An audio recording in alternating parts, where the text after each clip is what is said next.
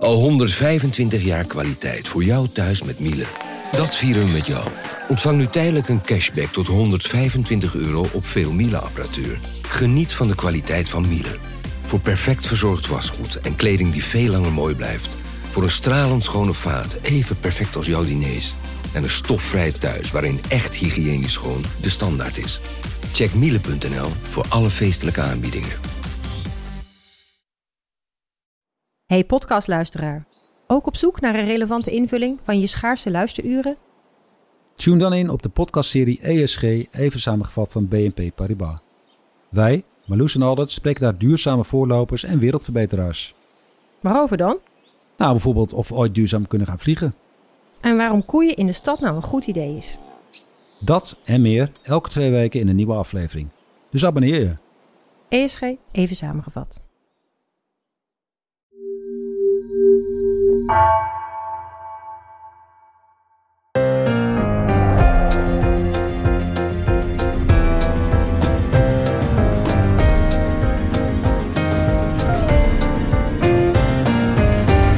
Dit is Haagse Zaken van NRC. Mijn naam is Lemia Aharoy. Wij ehm, mogen voor in ieder geval de komende vier jaar ons nieuwe politiek programma gaan vaststellen. En dat ga ik doen, nou eigenlijk bijna ceremonieel, hè? In, onder hamerslag, onder pollepelslag van deze pollepel die ook natuurlijk een fantastische betekenis heeft gekregen door uh, alle discussieavonden die wij sinds het begin van dit nieuwe jaar hebben gevoerd. Dit is de JOVD en je hoort voorzitter Daphne Lodder.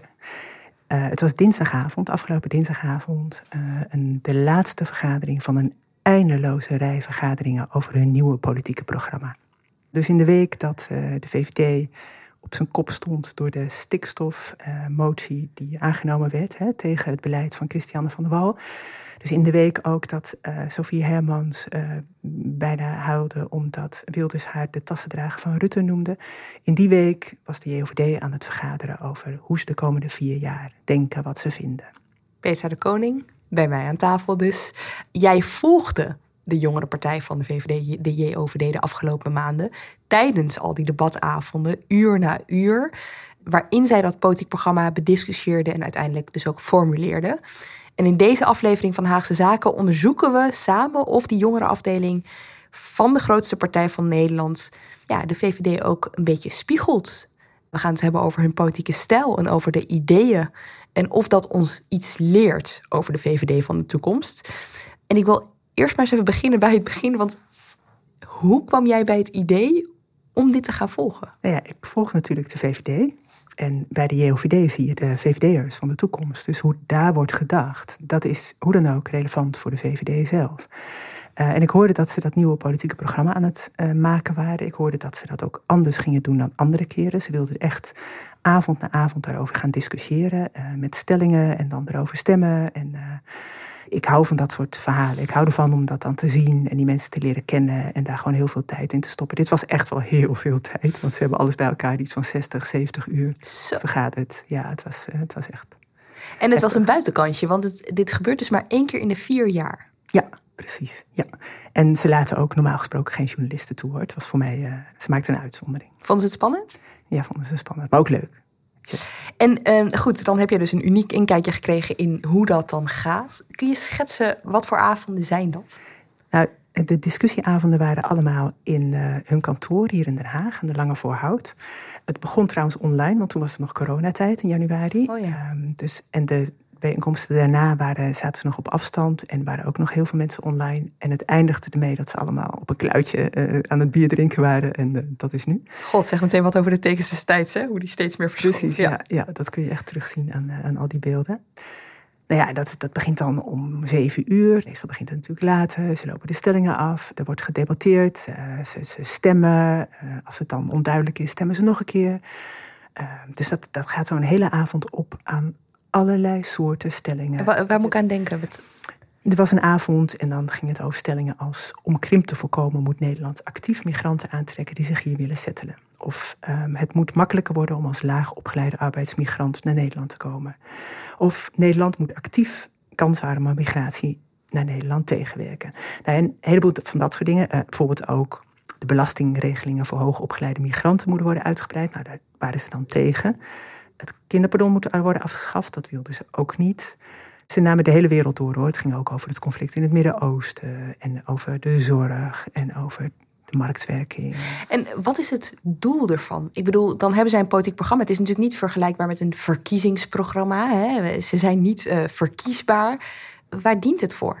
Ja, de bedoeling is dat ze dan een document hebben waarin ze allemaal kunnen zien wat ze vinden. Dus waar ze het over eens zijn. Dus waar ze over hebben gestemd. Dit is hun visie op Nederland en de wereld. Dus als dan het hoofdbestuur of de, meestal de voorzitter naar de BNR moet, want daar komen ze vrij vaak, dan weet zij, oké, daar hebben we het over gehad, dat moet ik even opzoeken, even trefwoorden intypen en uh, dit is ons standpunt daarover. En dan gaat ze dat doen. Dus, zo, dus ja, ze nemen het allemaal bloedserieus. Ze hebben dus avond aan avond hadden ze dan eerst over de stellingen. Toen hadden ze een voorlopig politiek programma. Daarna kwamen er nog honderden amendementen. Daar hebben ze het dan een hele zaterdag in Amersfoort over gehad. En nog twee avonden in Den Haag. En ze hebben, deze zaterdag hebben ze een congres van de JOVD. En dan wordt het echt officieel vastgesteld. Maar nu is het rond. Het moest ook echt voor vandaag klaar zijn. Want anders hadden ze voor de komende vier jaar geen politiek programma. Dus afgelopen dinsdag nog moesten de laatste dingen. Dus hebben eindeloos over die amendementen ook nog gestemd en gepraat. Weet je, ze, het zijn al, bijna allemaal uh, politieke junkies. Ze vinden het heel erg interessant, maar ook heel erg belangrijk. Ze leren daar politiek bedrijven en ze leren daar hun argumenten uh, scherper te stellen en meerderheden bij elkaar te uh, scharrelen. En ja, weet je, ze vinden dat heel erg leuk en belangrijk. Ze volgen het dus helemaal op de voet. Kun je, kun je een voorbeeld geven? Nou, ze volgen echt alles naar mijn idee, wat er in de Tweede Kamer ook gebeurt. Hè. In de, het was in de week dat er een uh, debat was over de toeslagenaffaire. En um, daar beloofde Rutte dat hij het vanaf nu uh, toeslagenschandaal zou gaan noemen. En toen hoorde ik dat ook terug op die avond, de discussieavond, waarbij het over de toeslagen ging. Hoorde ik opeens ook mensen zeggen uh, dat het een toeslagenschandaal was. Dus ze kijken wel een beetje naar ja, wat er in. Ja, heel erg. En, ja. en, en ze vonden het ook verschrikkelijk dat toen uh, een VVD zijn maiden speech hield. In, juist uh, ook in zo'n debat, waardoor hij niet kon worden uh, geïnterrumpeerd. Dus dat, ja, dat, dat houdt ze dan bezig. Daar maken ze zich druk over. Nou, je vertelde al, hè, je bent dit gaan volgen omdat je nou ja, dit soort verhalen gewoon heel mooi vindt om te maken. Ben je het ook gaan volgen omdat jij iets wilde leren over de VVD? Zeker. De JOVD is altijd een soort van kweekvijver geweest voor de VVD. Dus daar zijn politici uit voortgekomen. Nou, Rutte natuurlijk als uh, uh, de belangrijkste op dit moment. Hans Wiegel, uh, Johan Remkes, Frank de Graven. Dat, die hebben allemaal bij de JOVD gezeten. Hebben daar een belangrijke rol gespeeld. Dus dat zegt iets. En de VVD zie je ook de afgelopen jaren ontwikkelen. Ze hebben stappen gemaakt naar het midden de afgelopen jaren. Dus minder rechts, minder uitgesproken rechts. En ik was heel benieuwd wat je dan bij de JOVD zag. En ik heb bij deze JOVD uh, met vijf mensen wat langer doorgepraat. Oké, we gaan het straks hebben over uh, hun inhoudelijke ideeën hè, en hoe die uh, al dan niet verschillen van de VVD. Maar ik wil eerst even met je terug naar de basis, want de jongere partij van een partij, wat is hun functie? Ja, bijna elke partij in Nederland heeft ook een jongerenorganisatie, de PVV niet. Maar dat is ook niet een echte partij, want die heeft geen leden.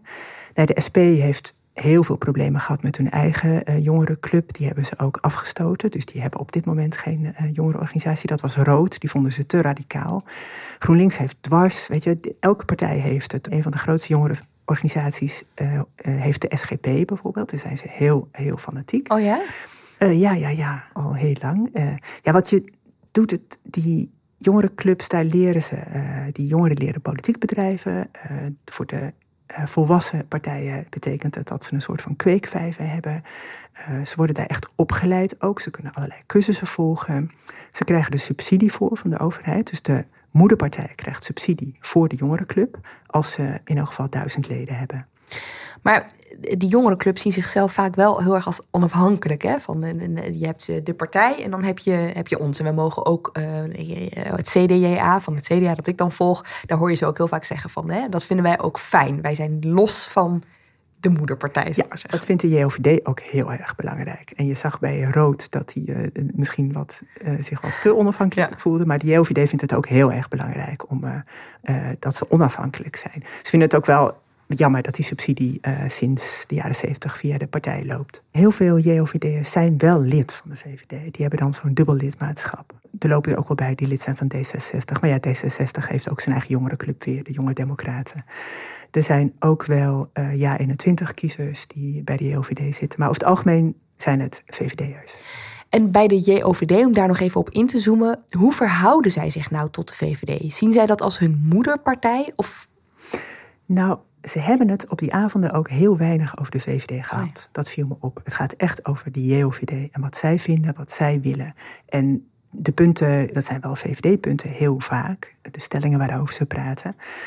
Maar ze voelen zich wel onafhankelijk. Ze willen ook anders zijn. Ze willen ook de luizende pijl zijn. Ze willen um, ongrijpbaar zijn voor de VVD. Ze hebben geen zin om aan het handje te lopen van de VVD. Want dan vinden ze dat ze eigenlijk geen bestaansrecht hebben. Ze moeten zelfstandig zijn. Ja, precies. En ja, goed, jij bent er dus bij geweest dat ook die ideeënvorming dus zelfstandig plaatsvindt. Zeker.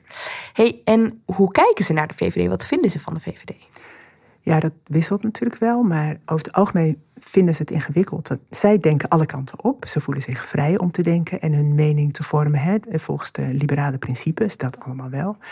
Ze vinden over het algemeen dat uh, de VVD zich uh, de coalitiepolitiek is gaan bedrijven. Dus zich te veel heeft aangepast. Dus eigenlijk iets radicaler, wat minder van het compromis? Ja, ze noemen zichzelf, of niet iedereen, maar progressiever.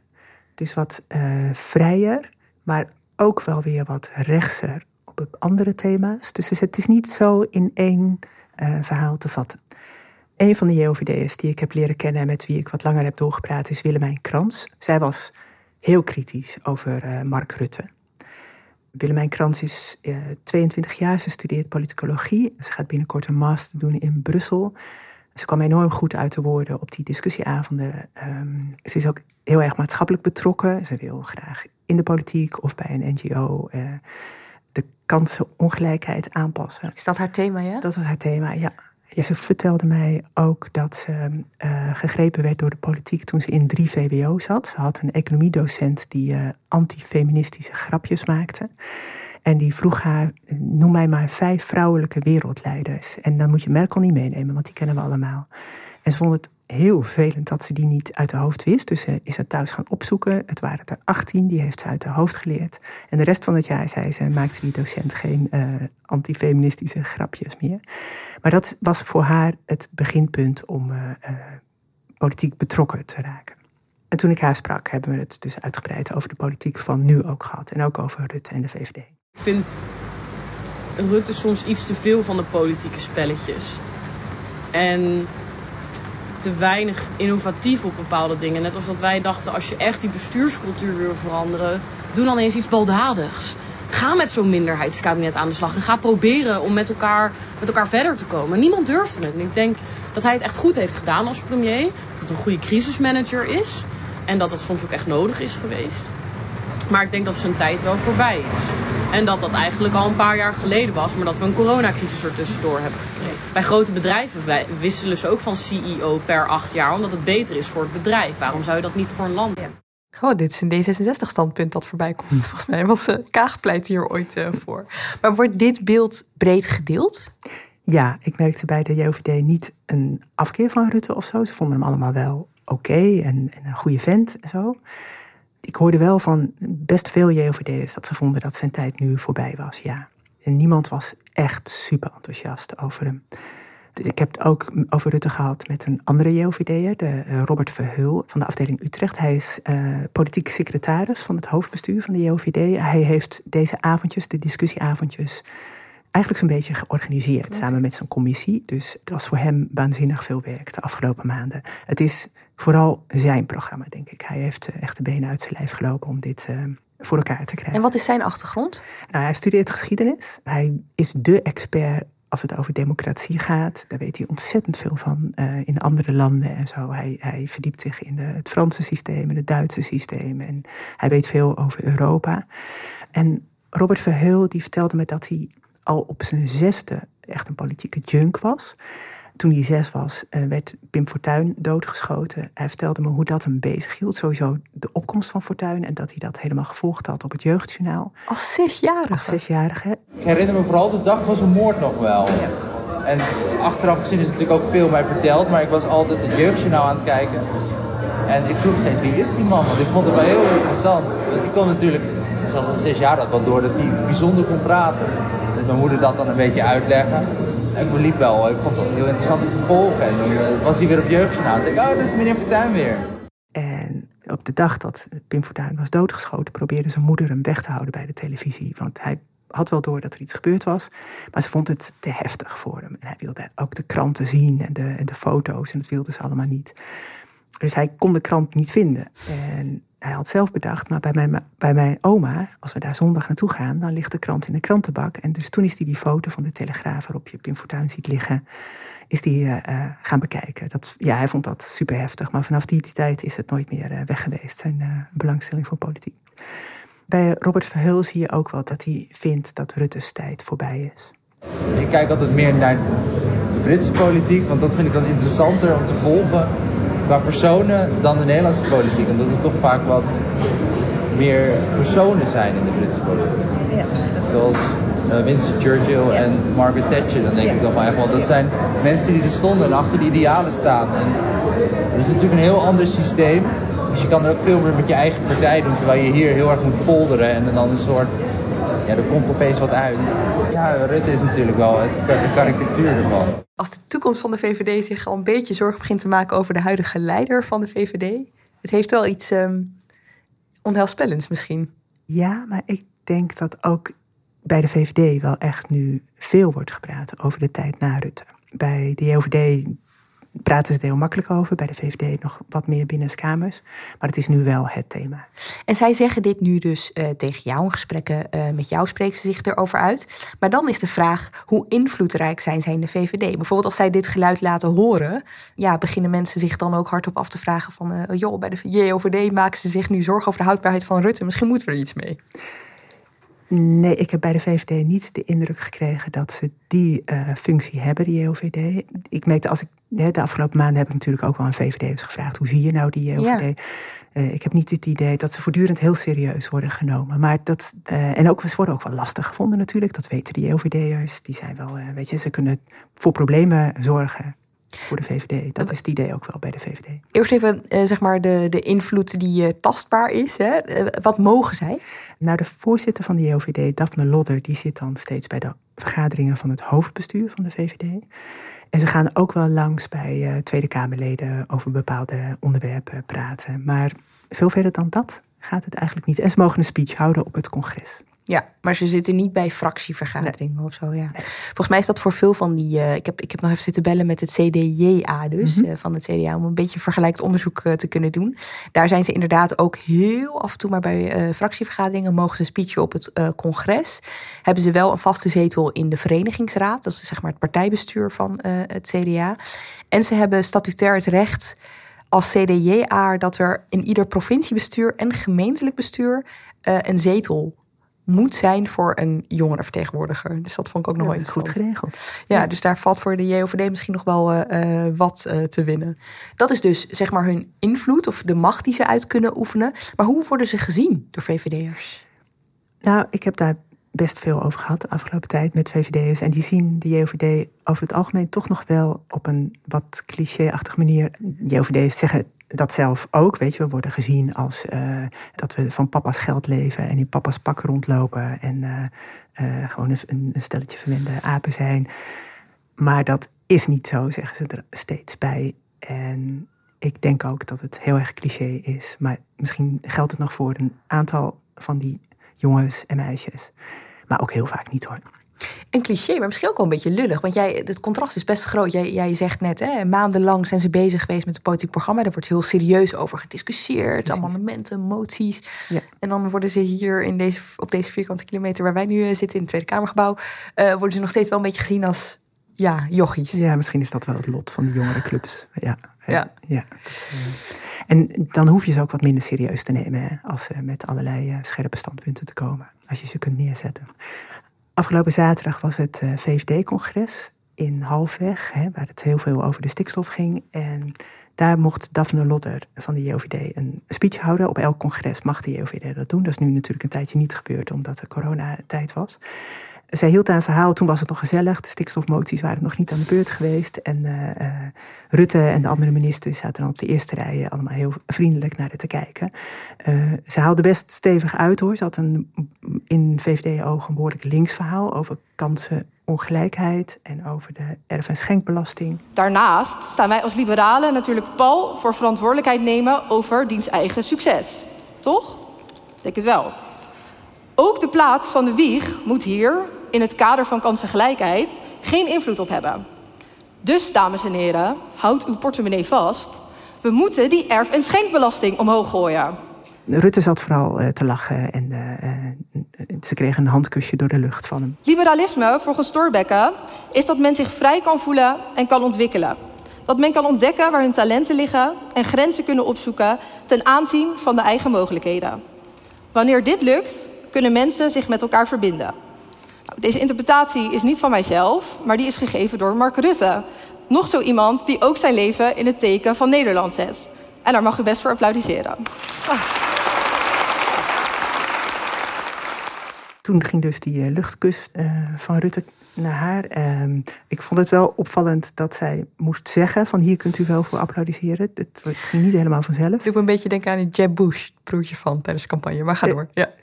Um, ze kregen flink applaus daarna. Maar weet je, heel serieus worden ze dan natuurlijk niet genomen. Hè. De voorzitter van uh, de VVD, Onno Hoest, die maakte ook nog zo'n opmerking... dat ze allemaal zaten te bibberen op de stoel... want de JOVD kwam een verhaal vertellen.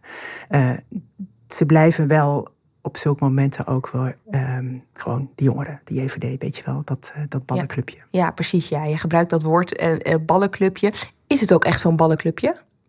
Nou, als je om je heen kijkt op die avondjes, kun je dat wel denken. Ze zien er keurig uit. mooie kleren, veel jasjes, overhemden, gekleurde bretels. Drie jaar geleden hadden ze comedian Soendoes uitgenodigd om eens goed naar zichzelf te kijken. Ik ben vandaag bij het congres van de JOVD en ik mag ze roosten. En de JOVD dat is een jongerenorganisatie van de VVD.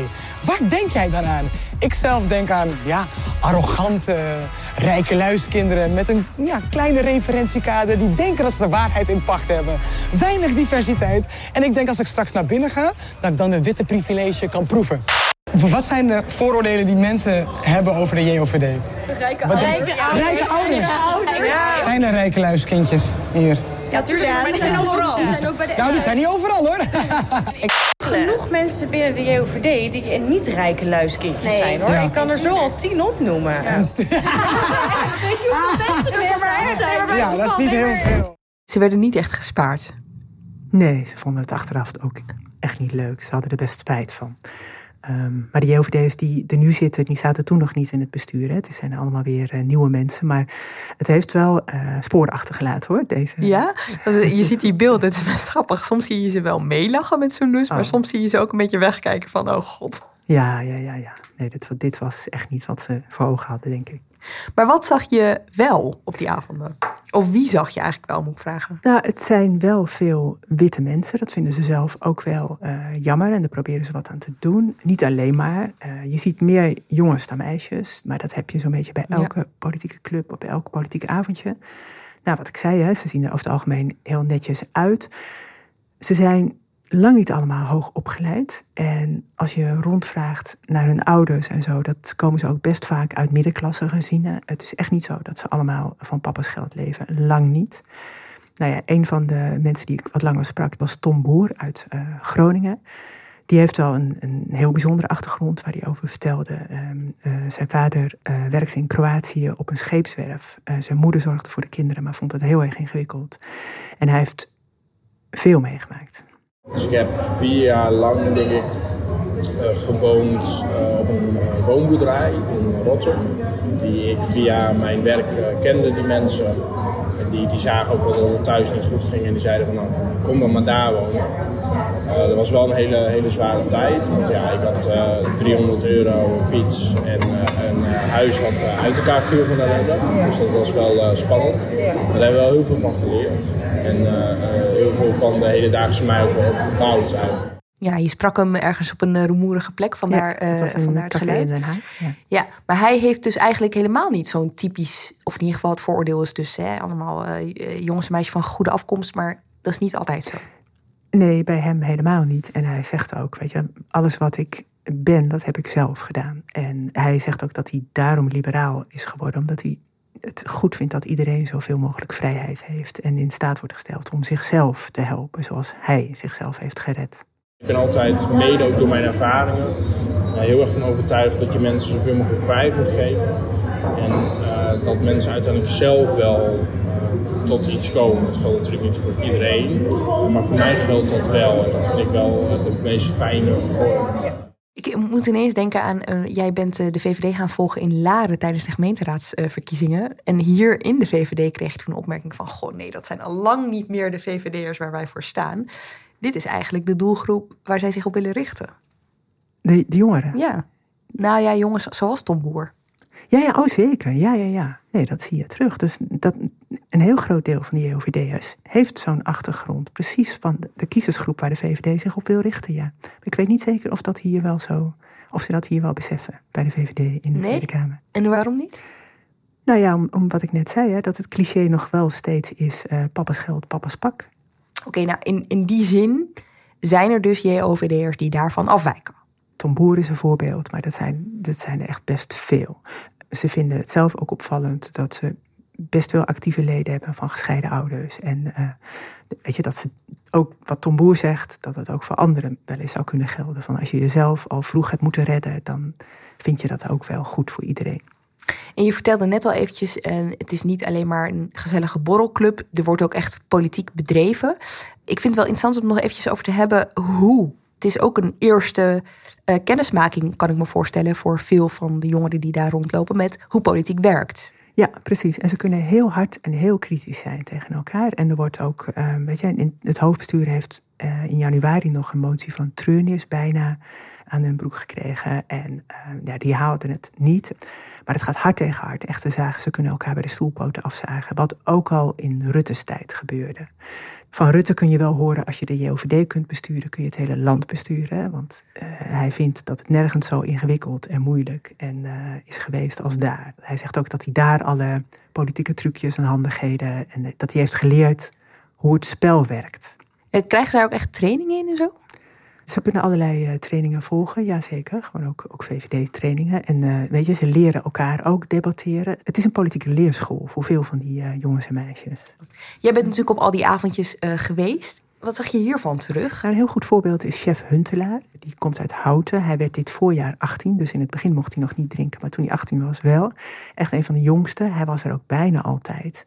Heel actief. Um, hij vertelde mij dat hij door de politiek gegrepen werd toen hij een keer op een excursie was met school in het gemeentehuis. Dat hij op de stoel van de wethouder was gaan zitten en was gaan praten. En dat anderen tegen hem zeiden: Man, wat doe jij dat goed? Toen was hij zich in politiek gaan verdiepen en, um, en het, het had hem echt gegrepen en dat gaat hem ook nooit meer loslaten. Goh, gegrepen vanaf de gemeentepolitiek. Ja, dat vind ik toch wel ja. bestaan. Ja, ja, ja, nee, ja, zeker. Dus hij was lid geworden van de JOVD. En hij was al die discussieavondjes ook gaan volgen. En je zag hem ook op die avonden steeds beter worden. Steeds. Uh, zijn argumenten werden beter, zijn optredens werden beter. Met die discussieavonden kreeg ik ook aan het begin de tip van ja, je praat veel te genuanceerd. Want ik ben altijd van het afwegen van verschillende opties. Alleen als je een als je argument probeert te maken, dan moet je altijd gewoon straight to the point zijn. Ja. Ik ben ja, aan de ene kant heb ik dit, aan de andere kant ja. heb ik dit. Ja. Als alles overwegende vind ik dat dit nu net iets beter is, want dit en dit en dit. Maar dan zei hij gewoon, dit is beter. Ik gaf gewoon de tip van hey, wat minder genuanceerd praten. Dus daar ben ik nu ook aan het oefenen mee. Maar hij ging ook gewoon elke keer naar die microfoon. Hij praatte overal over mee. En hij vertelde me ook dat hij heel graag de politiek in wil. Hij wil eerst graag uh, stage gaan lopen, maar uh, zijn droom is de politiek. Op een gegeven moment lijkt het wel heel gaaf om in het parlement terecht te komen. Want dat is wel. Uiteindelijk denk ik dat, dat daar wel mijn hart ligt. Gewoon in het spreken naar mensen en uh, belangen van mensen behartigen. En vertellen wat eigenlijk nou. wat de normale mensen in Nederland willen. Wat de, wat de mensen willen die gewoon elke ochtend om 7 uur opstaan en gewoon hard gaan werken de hele dag. Wat zij nou eigenlijk nodig hebben om een zo goed mogelijk leven te houden hebben. Normale mensen. Ja. Dit zijn dus de JOVD'ers. Iets gelaagder dan dat mensen misschien op het eerste uh, gezicht dus uh, zouden denken. Laten we het even hebben over hun ideeën. Want ze zijn dus bezig geweest met dat politiek programma. Waar staan ze voor? Wat voor Nederland hebben zij nou voor ogen? Ja, ze hebben zich enorm goed voorbereid op al die stellingen. Hè. Ze hebben uh, denktanks en commissies en, uh, over allerlei onderwerpen. En die hebben die stellingen voorbereid. Hè. En wat dan opvalt op die, al die avonden is dat, dat ze echt wel wat progressiever zijn, denk ik, dan de uh, meeste VVD'ers. Dus in die zin wat linkser, wat meer woke zou je het kunnen noemen. Ze hebben het op die dag in Amersfoort, toen het over de amendementen ging, heel lang eh, gehad over genderneutraal taalgebruik. Dat begon bij eh, Willemijn Krans. Die was met een stelling gekomen dat ombudsman ombudspersoon moest worden. Dat was in de ochtend in Amersfoort, toen iedereen nog gewoon aan de koffie zat. Dat kwam er toen niet doorheen, dat werd weggestemd. En ik maakte toen mee hoe zij ging praten met allerlei andere afdelingen. Toen hebben ze bedacht, we gaan het uh, breder trekken, we gaan het eigenlijk wat groter maken. In de middag gingen ze het nog een keer over de genderneutrale taal hebben. Uh, er kwam een nieuw amendement en je hoort hier hoe Daphne Lodder dat voorleest. En Willemijn Krans gaat het amendement verdedigen. Die gaan we even op het scherm laten zien en voorlezen. En die luidt. In de Nederlandse taal zouden genderneutrale termen moeten worden gebruikt in plaats van genderspecifieke termen. En waar mogelijk moet de wet hierop worden aangepast. Ik denk dat waar mogelijk dat dat de nieuwe zin moet zijn. Nee, het is helemaal nieuw. Nee, nee, sorry, maar gewoon punt waar mogelijk. Oh ja, dat is prima. Oké. En ik wil graag een korte oproep doen dat nu ook de tegenargumenten naar voren worden gebracht. Want vorige keer hoorden we vooral voorargumenten en grapjes. Maar dat is geen echte discussie. Dus dat zou ik wel fijn vinden. Want ik ben ook benieuwd om te weten wat dan de tegenargumenten zijn. En dan hoop ik natuurlijk mensen te kunnen overtuigen om alsnog voor te stemmen. Werden hier zoveel grappen over gemaakt? Nou, in de ochtend, toen het over ombudspersoon of ombudsman ging, uh, werden er in de rij wel veel grapjes gemaakt. En de tegenstanders, die uiteindelijk wel toen nog hadden gewonnen, die hoorde je helemaal niet. En dat irriteerde haar natuurlijk. En uh, dat snap ik ook wel. Want ja, tegen wie heb je het dan? Je vertelde als beginnen hier dan uh, s ochtends mee. De eerste keer wordt het weggestemd. Daarna zijn ze het nog een keer gaan proberen met een bredere motie, die we dus net al eventjes hoorden. Ik wil het even hebben met het debat hierover, want ik vind, dit vind ik wel een mooi voorbeeld, omdat het iets is wat hier in de VVD-fractie helemaal niet zo belangrijk gevonden wordt. Sterker nog, ik denk dat er wel wat VVD'ers zijn die helemaal niks moeten hebben van genderneutrale taalgebruik. Nee, dat weet ik wel zeker. Ja. Dat is wel bijzonder dat dat dan bij die jongeren kennelijk veel meer leeft maar ook nog wel verdeeld. Ze zijn er ook nog wel verdeeld over. Hè? Dus die hele dag vergaderen was wel nodig. En dan, eh, dan praten ze met dan gaan ze elkaar een beetje begrijpen. Dan komt er dus een moment in de middag dat ze uh, met hun uh, biertje en een glaasje wijn uh, vrolijk met elkaar staan te praten in groepjes. Maar het blijft een heel serieus debat. De heer Boer haalt ook heel erg de vrijheid aan. Dus de vrijheid van mensen om iemand anders meester of juf te noemen, om iemand anders directeur of directrice te noemen, of zij of, of hem. Maar daarin wordt denk ik wel de verdraagzaamheid vergeten. Wij hebben drie kernwaarden als liberalen: vrijheid, verantwoordelijkheid en verdraagzaamheid. En ik denk dat met genderneutrale verwoordingen die verdraagzaamheid uh, wel gewoon beter is. Ja, je ziet hè, dat ze heel vrij aan het denken zijn en, uh, uh, in die debatten. En het zijn ook twintigers. Ze denken alle kanten op. Ze hebben ook niet, lang niet overal verstand van. Dat weten ze zelf ook wel. Ze laten wel specialisten, uh, rechtenstudenten, uh, mogen dan over de rechtsstaat praten. En uh, weet je, ze laten wel de, zoveel mogelijk de specialisten die ze hebben aan het woord. Maar ja, ze weten lang niet alles. Maar dat hindert ze ook niet. Ze vinden wel van alles. En zie je ook een soort van vanzelfsprekendheid dat dit soort thema's um, dus ook gewoon besproken worden, belangrijk gemaakt worden? Ik bedoel, het is een nieuwe generatie. Ik, ik, ben heel benieuwd of dat effect heeft op, ook op, op het debat en op de weging van dit soort onderwerpen. Ja, dat houdt ze bezig. Ja. Uh, ook hen, ook bij de JOVD is dit, is dit een thema. Dat was, dat was heel duidelijk. Ja. Nou ja, om, om, maar een voorbeeld te noemen, als je dit, uh, weet ik veel, met de VVD-senioren ja. zal uh, bespreken, dan ja. wordt het natuurlijk lachend uh, weggewuifd. Ja, zeker. Als we het hebben over de toekomst van de VVD, dan ehm, ja, is het misschien wel, zegt wat, zegt het dan, weet je wel? Dat zij hier zo urenlang zo serieus over kunnen debatteren. Ja, dat zegt in elk geval dat de VVD daar binnenkort ook niet meer omheen kan. Ja, want die motie heeft uiteindelijk dus wel, uh, zeg maar, de brede motie, niet over de ombudspersoon, uh, maar de wat bredere over motie. Alle uh, genderneutrale functies, over alle functies. Dus dan heb je het over brandweerman, vroedvrouw, vakman. Al dat soort termen moeten als het aan de JOVD ligt, genderneutraal worden aangeduid. Precies, staat nu in hun politiek programma. Jij hebt dat hele programma inmiddels gelezen. Als je het even helemaal uitzoomt, in hoeverre verschilt het van het VVD-verhaal wat zij daar met elkaar uh, hebben afgesproken? Nou, zij worden natuurlijk niet gehinderd door coalitiepolitiek. Hè? Dus het gaat soms wel echt alle kanten op. Um, ze hadden eerst op de discussieavonden gestemd voor rekeningrijden, maar dat werd dan weer door een amendement van tafel geveegd. Dus de JOVD is niet voor rekeningrijden, terwijl de VVD dat natuurlijk wel is. Oh, dat is wel grappig. Dus daar maken ze helemaal niet een progressievere uh, stap, maar uh, een stapje terug. Een stapje ja, terug. Oké. Precies. Um, er was ook een amendement over de maximumsnelheid van 130 km per uur. Uh, dat was van chef Huntelaar, die we hebben gehoord. Die vond dat dat helemaal moest worden afgeschaft. 130 km per uur op de, als maximum op snelwegen. En dat, dat is ook aangenomen. Dus als de JOVD het voor het zeggen krijgt, dan mag je op de snelweg zo hard rijden als je Een soort Duits model. Ja. Precies, het Duits model. Ja. Uh, nou ja, ze zijn ook nog steeds, dat waren ze ook al in de tijd van Rutte, voor het legaliseren van softdrugs. En nu ook voor het legaliseren van uh, harddrugs die niet al te verslavend zijn in hun ogen, dus de partydrugs. Ze zijn tegen de balkenende-norm. Iedereen mag alles verdienen, dus in de publieke sector of semi-publieke sector, dat vinden ze de flauwekul om dat te uh, begrenzen. Behalve dan de koning, daarvoor vinden ze die balkenende-norm dan weer goed genoeg, want ze hebben weinig sympathie voor de monarchie.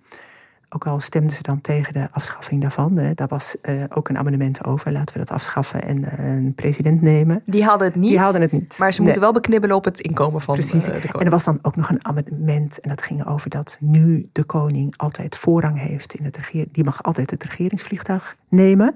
Dat, hij gaat voor op de ministers en de premier. Dat willen zij ook niet meer. Dus dat is ook door de JOVD in het programma afgeschaft. Maar het is op zich inderdaad, wat je zegt, is best wel, het gaat best wel alle kanten op. Het roept wel bij de vraag op wat zij dan vinden van het verhaal van de huidige VVD. Nou, zij vinden dat er in het verkiezingsprogramma en bij de huidige VVD te veel naar de overheid wordt gekeken. Dus daar hebben ze het over een krachtige overheid. De JOVD'ers die vinden dat niet liberaal genoeg. Die willen echt dat de overheid zich zo min mogelijk bemoeit met, met allerlei dingen. Aan de andere kant zie je dat de JOVD'ers uh, zich wel druk maken over de kansenongelijkheid in Nederland. Dus dat ze wel vinden dat uh, kinderen die niet zulke rijke ouders hebben, dezelfde kansen moeten hebben als kinderen van rijke ouders. Dat vinden ze oprecht en daar maakten ze zich op die avonden ook, ook best druk over. En ik heb het daar ook uitgebreid met Willemijn Krans over gehad. Daarom vind ik het ook goed dat we dat erfbelasting, dus die erfbelastingsparagraaf erin hebben staan. Ik heb ook heel veel discussie met mijn ouders over. Mijn ouders zeggen van ja, maar dat is toch voor jou. Maar ik, ben ze aan het overtuigen. Van ja, maar ik heb niks gedaan voor dat geld. Het is voor mij nieuw inkomen. Fantastisch dat jullie zo hard hebben gewerkt en hebben gespaard. Maar ik heb niks voor dat geld gedaan. Mijn neef uit Twente, die twee ouders heeft die gewoon minimumloon of net iets daarboven hebben. Die hebben ook keihard gewerkt, maar niet zoveel verdiend als jullie. Is het dan terecht dat ik veel meer geld erf dan hij? Dat vind ik niet. Dit zul je natuurlijk uh, niet zo snel horen in de Tweede Kamerfractie van, uh, van de VVD. Zo'n zo'n pleidooi. Met ook wel echt oprechte verbazing hè, over. Hoe komt het eigenlijk? Hoe komt het dat ze daar ja, toch wel wat linkser, wat progressiever zijn dan, dan de VVD? Nou ja, ik hoorde dat, ze, dat het ook te maken heeft met de opkomst van Forum voor Democratie. Die hebben ook een jongerenclub. En er zijn best veel echt rechtse uh, JOVD'ers, vooral uit van de afdeling Rijnmond, zijn overgestapt naar de JFVD. Dus dat heeft wat minder rechts en conservatief gemaakt. Je hebt natuurlijk wel verschillende stromingen hè, in de JOVD. Je hebt ook afdelingen die bekend staan als wat conservatiever en rechtser dan andere. Uh, Groningen staat bekend als vrij rechts en conservatief. Uh, Rijnmond eigenlijk ook. Leiden ook. Maar dan heb je ook Utrecht en je hebt uh, in Brabant en Limburg allerlei afdelingen. Dus het is niet één visie op de wereld. Het gaat echt wel heel veel kanten op. Ja, dus je hebt nog steeds ook in de JOVD wel verschillende stromingen, zal ik maar zeggen. Zeker. Ja. De vraag blijft, en die stelt wel eventjes helemaal aan het begin, hè, is dit nou de VVD van de toekomst? Zien we hier een, een glimp daarvan? Nou ja, het zijn nog heel jonge mensen. Het is natuurlijk niet zo dat iedere JOVD'er een, uh, een glansrijke carrière in de VVD krijgt. Hè? En uh, de meeste van de ministers van nu die zijn uh, geen lid van de JOVD geweest. Er zijn wel hè, wat bekende namen die ik eerder ook al noemde. Hans Wiegel, Johan Remkes, Frank de Graven. Maar het meest bekende is op dit moment natuurlijk Mark Rutte. En die was heel progressief als JOVD-voorzitter. Hij pleitte bijvoorbeeld voor het commercieel draagmoederschap. En wij pleiten ervoor dat in het geval van draagmoederschap de draagmoeder een financiële vergoeding krijgt voor dokterskosten, eventuele medicamenten en uh, gederfde inkomsten. Omdat ze maar baan heeft. daar krijg je toch ook dat er dan betaling voor wordt gegeven? Dat klopt en dat vatten wij ook samen onder dat begrip uh, commercieel draagmoederschap. Ja. Dat betekent dat dat van vrouw tot vrouw zou kunnen verschillen. Al naar gelang de positie die zij heeft en het geld wat zij verdient in de samenleving. Of die inkomstenderving hoog dan wel laag is. Daar, afhankelijk daarvan kan het zo zijn dat dat commercieel draagmoederschap, het draagmoederschap aan zich, hoog of laag betaald wordt. Heb je hem hier ooit nog over gehoord daarna? Dat is niet te geloven. Het is ook, hij klinkt een stuk. Hoe jong, hoe jong was hij toen hij uh, bij de JOVD zat? Ja, begin twintig. Want het was ergens in de jaren tachtig, hè? Eind mm -hmm. jaren tachtig. Ik zat nog even te zoeken op Delver, dat is het krantenarchief, naar uh, hoe er in die periode over hem werd geschreven. En vooral ook over zijn uh, ideeën. juni 1990, het parool. Toen droomde hij nog van, ik citeer, dat de VVD ooit samen met D66 één grote liberale middenpartij wordt. Op die manier, zei Rutte toen, kunnen we beter de oppermachtige positie van het CDA aanpakken. En volgens de journalist die het had opgeschreven, had Rutte er strijdvaardig bij gezeten. Ook een beetje met hoe je dat net vertelde over hè, hoe serieus zij uh, politiek nemen. Ergens verderop dat artikel, en dan citeer ik weer eventjes. Rutte schaamt zich niet voor zijn eigen politieke ambities. Een openbare functie trekt mij heel erg aan. Als ambtenaar ben je alleen bezig met memoranda's schrijven. In het bedrijfsleven draait alles om geld verdienen, maar in de politiek ben je bezig met echt grote dingen. Iets verderop. Ook nu is hij bijna fulltime met de politiek bezig. Het voorzitterschap van de JOVD heeft me twee jaar van mijn studie gekost, geeft de zesdejaars geschiedenis toe. Nadat hij de rook van zijn sigaar langzaam heeft uitgeblazen, stelt hij alvast zijn voorwaarden voor een eventuele carrière in de VVD. Dan moet er wel wat veranderen in de cultuur van de VVD. Ik wil niet gedwongen worden om te folderen, te applaudisseren voor de lijsttrekker en mijn mond te moeten houden als ik het ergens niet mee eens ben. Geweldig. Dit was dus in uh, 1990. Je zag in die periode dat hij JOVD-voorzitter uh, was, wel vaker dat hij misschien wel iets radicaler was dan dat hij nu is. Ja, zeker. Dat zie je dus nu ook terug bij de JOVD-voorzitters. Dat ze uh, radicaler overkomen. Rutte was dat zeker ook. Uh, vrienden uit die tijd, toen hij toch zo radicaal klonk... zeggen ook dat hij toen al in zijn hoofd had dat hij premier wilde worden. Hè? Daar, uh, het, het JOVD-bestuur, waar hij voorzitter van was... noemde zich al Rutte 1. Dus alles ging al die kant op. Dus dat hij daar zo zijn voorwaarden aan het formuleren is... het hield hem enorm bezig. Ja. Wat ik ook nog wel een mooi voorbeeld vind is, uh, hij zat in uh, 1990 ook bij het programma Brandpunt. En hij sprak zich daar uit over zijn teleurstelling over de campagne. Bij ons is ook uh, Mark Rutte. Hij is voorzitter van de JOVD, de Liberale Jongerenorganisatie. Ehm, gelukkig met de geluiden die hier worden verspreid door de heren Bolkestein en Maassen. Nou, niet in alle opzichten. Wat mij alleen enorm is tegengevallen vorig jaar... en uh, wat ook de JOVD is tegengevallen... is dat de verkiezingscampagne niet de geest ademde van dat verkiezingsprogramma. Ja, de campagne de was een rechtse campagne, populistisch gevoerd. Dat die campagne dus was op een aantal punten rechts. In de eerste plaats was er weinig aandacht voor de zogenaamde immateriële punten. Of mensen zelf mogen bepalen wanneer ze hun leven beëindigen bij ernstige ziekte. Vraagstukken als gelijke behandeling, maar ook het mediabeleid. Uh, aan de andere kant, en dat was ook een bezwaar van de JOVD... Uh, werd samenwerking met de Partij van de Arbeid opnieuw uitgesloten. En dat heeft de VVD in mijn ogen opnieuw gedreven in de armen van het CDA. Het is echt grappig. Je ziet in die stukken van die tijd, en dus je hoort dit hier ook wel uh, weer... dat hij echt um, ja, een soort afschuw bijna uitsprak over het CDA. Hij wilde heel graag met D66, in dit geval met de PvdA... Als je de formatie van de afgelopen de periode erbij pakt, dan was het precies andersom. Hè. Wilde hij niet met de PvdA, maar wel met het CDA. Dus dat denk ik is ook uh, verschoven, zou je kunnen zeggen. Maar hij begint hier dus over uh, vrijwillig levenseinde, over een te rechtse VVD. Het zijn allemaal thema's waar hij zich nu niet meer echt over uitspreekt. Hij is begonnen als VVD-leider um, in 2006. En toen ging hij nog wel allerlei kanten op met zijn denken. En hij wilde ook dat de VVD breder werd. Dat zei hij ook. Hij wilde dat de VVD uh, zich uh, meer uitsprak over de zorg, over allerlei dingen, onderwijs. Hij vond Klimaat? Het, klimaat, precies. Hij vond dat de VVD een, te beperkte thema's had, te weinig. Dus hij heeft tussen 2006 en 2009 is hij eigenlijk op een, een JOVD-manier wild gaan nadenken over allerlei dingen waar de VVD-top niks van moest hebben. En waar hij ook helemaal geen uh, kiezers mee trok, want hij werd er niet populairder op en de VVD ook niet. Dus op een gegeven moment in 2009 hebben ze tegen hem gezegd: Dit kan echt niet meer, Mark. Je gaat gewoon over veiligheid, economie hebben, migratie. Je gaat gewoon onze thema's uitdragen. En alles wat daar buiten valt, ga je toch terugbrengen tot onze thema's. Dus nu ik de JOVD van nu beter ken, snap ik ook beter hoe Rutte zich in die eerste jaren als VVD-leider gedroeg. Want dit leer je bij de JOVD. Gewoon, je kunt alles zeggen, je kunt overal over nadenken, je moet overal een standpunt over hebben. En dat kun je allemaal ook op een liberale manier doen.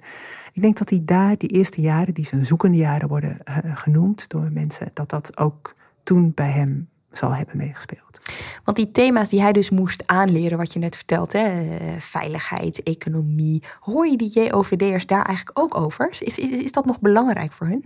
Jawel hoor, economie, veiligheid, daar hebben ze het ook, ook lang over gehad. Zeker. De JOVD van nu wil een eenvoudige belastingstelsel, hè, vooral voor ondernemers. Ze spreken zich ook nog eens keer uit tegen het afschaffen van de dividendbelasting.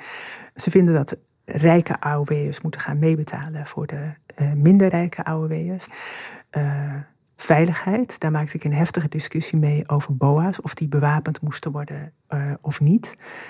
Daar werd soms heel neerbuigend gedaan over BOA's en daar werden anderen dan weer opgewonden over. En die zeiden van ja, BOA's die doen hartstikke goed werk, moeten gerespecteerd worden. En, maar goed, de uitkomst was dat BOA's van de JOVD niet bewapend mogen worden.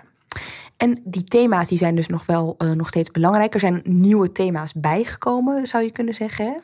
Ja, um, kansenongelijkheid, klimaat, duurzaamheid, zeker. Gender. En, ja. Uh, ik probeer toch nog een keer um, de verbinding te maken naar de VVD-fractie hier. Waar natuurlijk ook wel uh, jonge VVD'ers rondlopen in deze lichting. Zie je dat die thema's op de een of andere manier wel hun weg vinden naar de VVD-fractie? Ja hoor, dat zie je ook wel bij de jongere Tweede Kamerleden. Die zijn daar meer mee bezig. Dus dat is uh, absoluut een trend die zich naar mijn verwachting wel zal doorzetten. Nou ja, een van de onderwerpen die nu natuurlijk heel erg speelt, uh, zeker ook in de VVD, is de stikstofcrisis en hoe die opgelost uh, moet worden.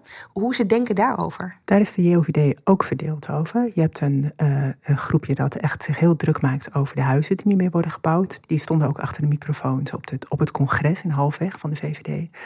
Maar je hebt ook iemand als uh, Tom Boer uit Groningen, die vindt dat uh, veel meer rekening moet worden gehouden met de boeren en de voedselvoorziening. Daar maakt hij zich erg druk over.